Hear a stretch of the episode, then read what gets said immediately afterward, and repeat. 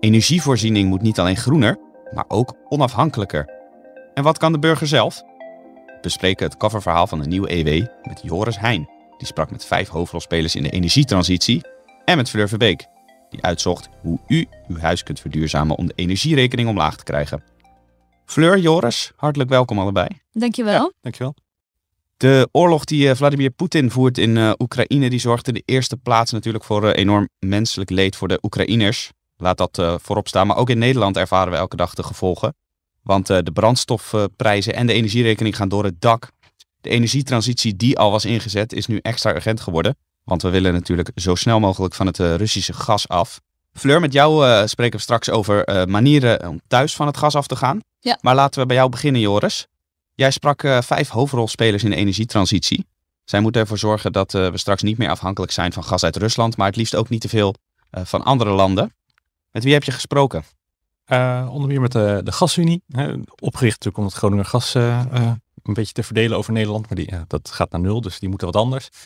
Shell, olie en gas, weet ook dat ze wat anders moeten.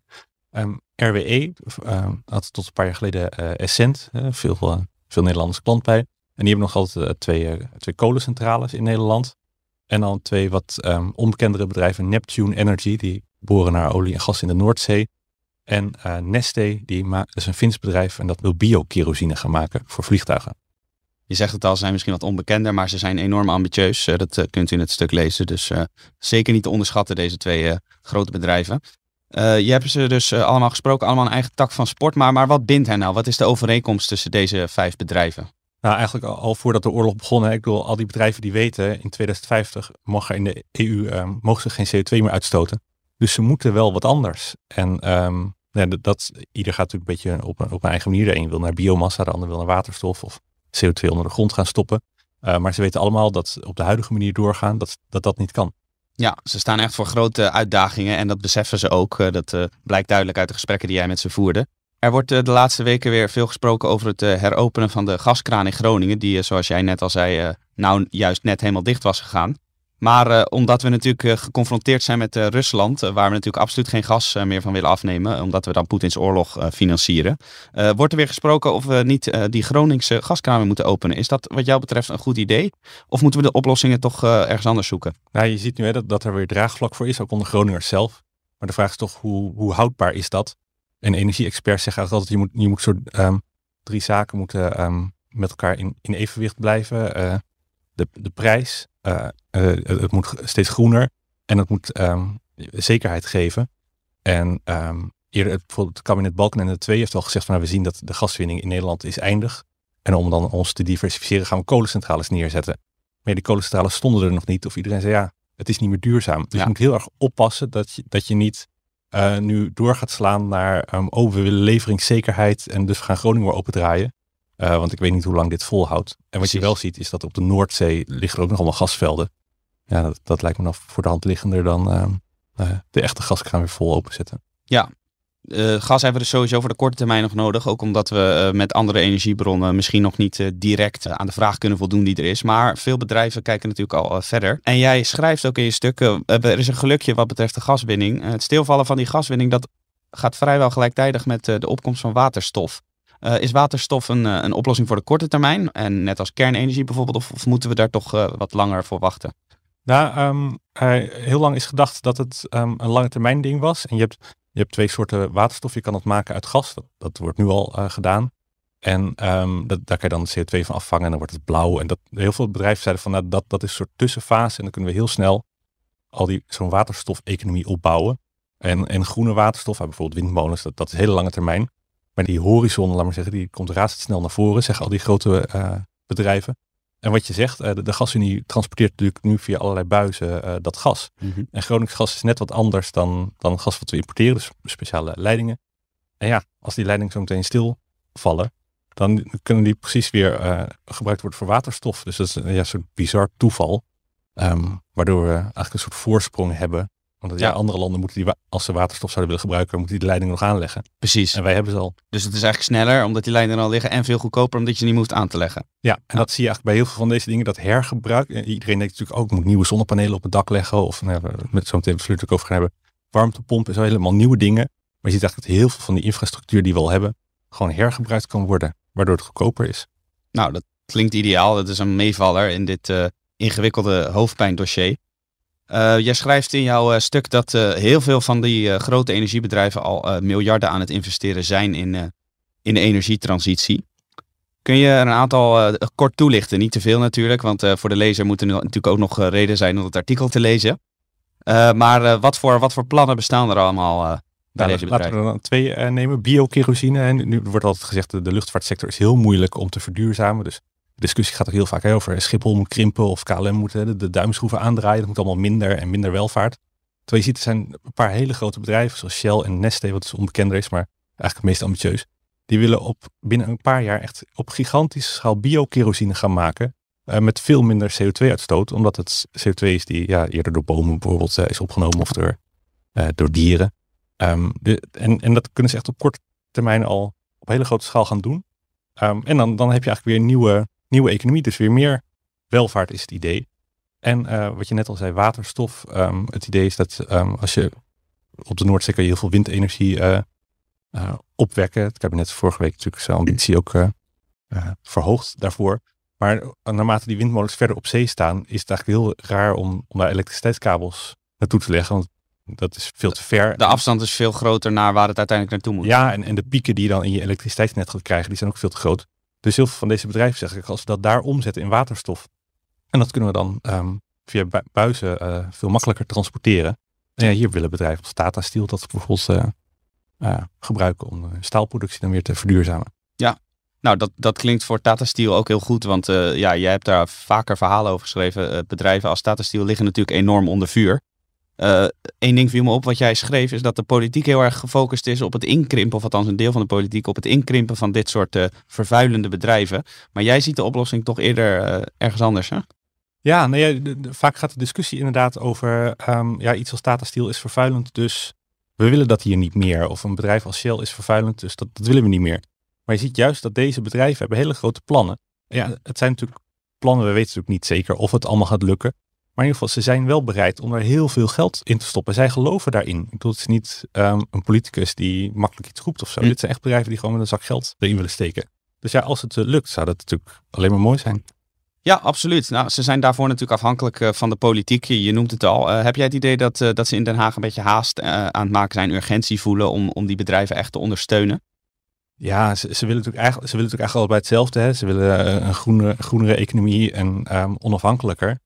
Maar ja, als je deze bedrijven spreekt, dan zeggen ze ja, de, de windparken bijvoorbeeld die nu worden aanbesteed door de politiek, die zijn tot nu toe vrij klein. Gelijk aan een halve kolencentrale, laat maar zeggen. En um, aan de andere kant van de Noordzee, bij Schotland, uh, worden gewoon windparken die, die veel groter zijn aanbesteed. Dus als je echt een ambitieuze partij bent, uh, ja, het scheelt nogal of je van spreken 100 windmolens inkoopt of 1000. Mm -hmm.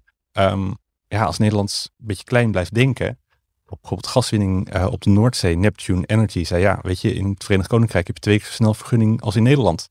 En al voldoe je hier aan alle regeltjes, uiteindelijk moet de minister nog zijn of haar stempel erop zetten. Zoals de politieke wind net de verkeerde kant op vaart, krijg je alsnog je vergunning niet, ook al voldoe je aan alle regels. Ja, dat zijn allemaal dingen waarvan denkt, ja, is dat nou handig? Ja, nou, werk aan de winkel dus voor uh, Rob Jette, minister van Klimaat en Energie. Hopelijk luistert hij en zo niet, dan leest hij hopelijk jouw verhaal. Dankjewel, Joris. Dan gaan we nu naar jou, Fleur. het gaat hier over miljardenplannen, gigantische investeringen. jij bent iets kleiner gaan kijken voor jouw aandeel in dit verhaal, namelijk je eigen huis. En je kunt daar... Voor, voor wie zelf van het Russische gas onafhankelijk wil worden. Ja, dat is natuurlijk een heel nobel doel. Een, iets minder nobel, maar niet minder terecht doel is natuurlijk een lagere energierekening, zodat je meer overhoudt. Uh, jij onderzocht een aantal manieren waarop je je huis kan verduurzamen. wat kun je allemaal doen? Nou, allereerst wat me heel erg opviel, ik weet niet of jullie dat zelf in jullie eigen omgeving ook hebben gemerkt. Maar ineens zijn de geesten rijp voor dit uh, onderwerp. We praten er natuurlijk al jaren over. Veel mensen die weten ook wel dat ze zonnepanelen op hun dak kunnen leggen. Um, maar ineens zat ik op een verjaardag en uh, buitelde iedereen over elkaar heen. Oh, en zonnepanelen, hoe werkt dat dan? En uh, ik sprak een vriendin die een huis heeft gekocht onlangs in Utrecht en voor honderden euro's een speciaal bureau naar binnen heeft gestuurd om helemaal in kaart te brengen hoe ze dat dan kon verduurzamen. Dus ineens zijn mensen daar heel erg mee bezig. Dus ik ben in al voor het verhaal in um, alle uh, subsidiepotjes uh, gedoken. alle belastingmaatregelen die je dus als huisbezitter aan kunt spreken om je huis te verduurzamen. Um, nou, er zijn een, een, paar, er zijn er heel erg veel, maar om er een paar te noemen. De zonnepanelen kennen we natuurlijk allemaal.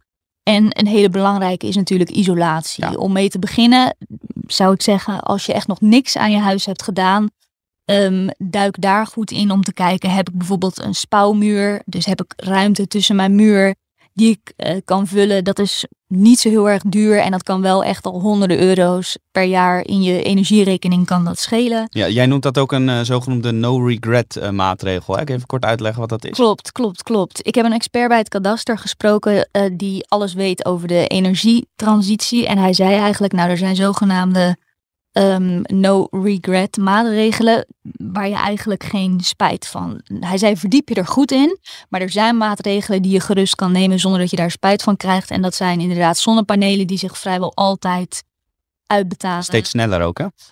Precies, die worden steeds, uh, zijn echt een stuk goedkoper dan, dan een aantal jaar geleden. En die worden waarschijnlijk in de komende jaren ook nog uh, goedkoper. Dus dat betaalt zich zeker uit. En uh, isolatiemaatregelen zijn voor, vrijwel in ieder geval uh, uh, gunstig om te, om te doen. Ja, dan, dan kom ik gelijk bij de volgende vraag. Deze zijn dus direct gunstig, maar ik denk als leek, het is toch allemaal gunstig. Verduurzaming is toch altijd goed. Maar toch staat in jouw stuk, zijn er bepaalde maatregelen die je misschien nog even beter niet kan nemen? Hoe zit dat? Nou, vooral verdiep je eventjes goed in um, wat de gemeente heeft opgesteld als um, plan voor jouw wijk. In 2021 heeft de, uh, hebben alle gemeenten in Nederland een plan moeten opstellen per wijk in hun gemeente wat het alternatief gaat worden voor, voor aardgas. Dus het kan dan bijvoorbeeld zijn dat je aangesloten wordt op een warmtenet. Of het kan juist zijn dat er voor individueel voor jouw huis een, een oplossing bedacht wordt. En dan kun je bijvoorbeeld denken aan een, aan een warmtepomp. Die dus uh, elektrisch het huis verwarmt in plaats van dat je dat dan met gas doet. Um, en verdiep je daar goed in. Dus dat je niet uh, uh, duizenden euro's in een warmtepomp gaat stoppen. En dat dan blijkt over een paar jaar dat je dan toch op een warmtenet wordt aangesloten. Uh, en dat kan ook een groot verschil maken in de mate waarin je isoleert of niet. Dus um, wie aangesloten wordt op een warmtenet, kan bijvoorbeeld aangesloten worden op een hoogtemperatuur warmtenet. Waarmee je dan weer waarbij je dan weer minder isolatie nodig hebt. Word je aangesloten op een laag temperatuur warmtenet, heb je juist mogelijk weer meer uh, isolatie in je huis nodig om het voldoende te verwarmen. Dus verdiep je, dat was zijn tip eigenlijk, verdiep je daar goed in. Nou, voor alle luisteraars die uh, nog op het punt staan uh, te beginnen met die verduurzaming, knoop dit goed in uw oren. Want het zou zonde zijn om duizenden euro's uit te geven aan iets dat de gemeente straks ook al voor u gaat doen. Dus dank voor de tip, ook namens alle huizenbezitters die luisteren, Fleur.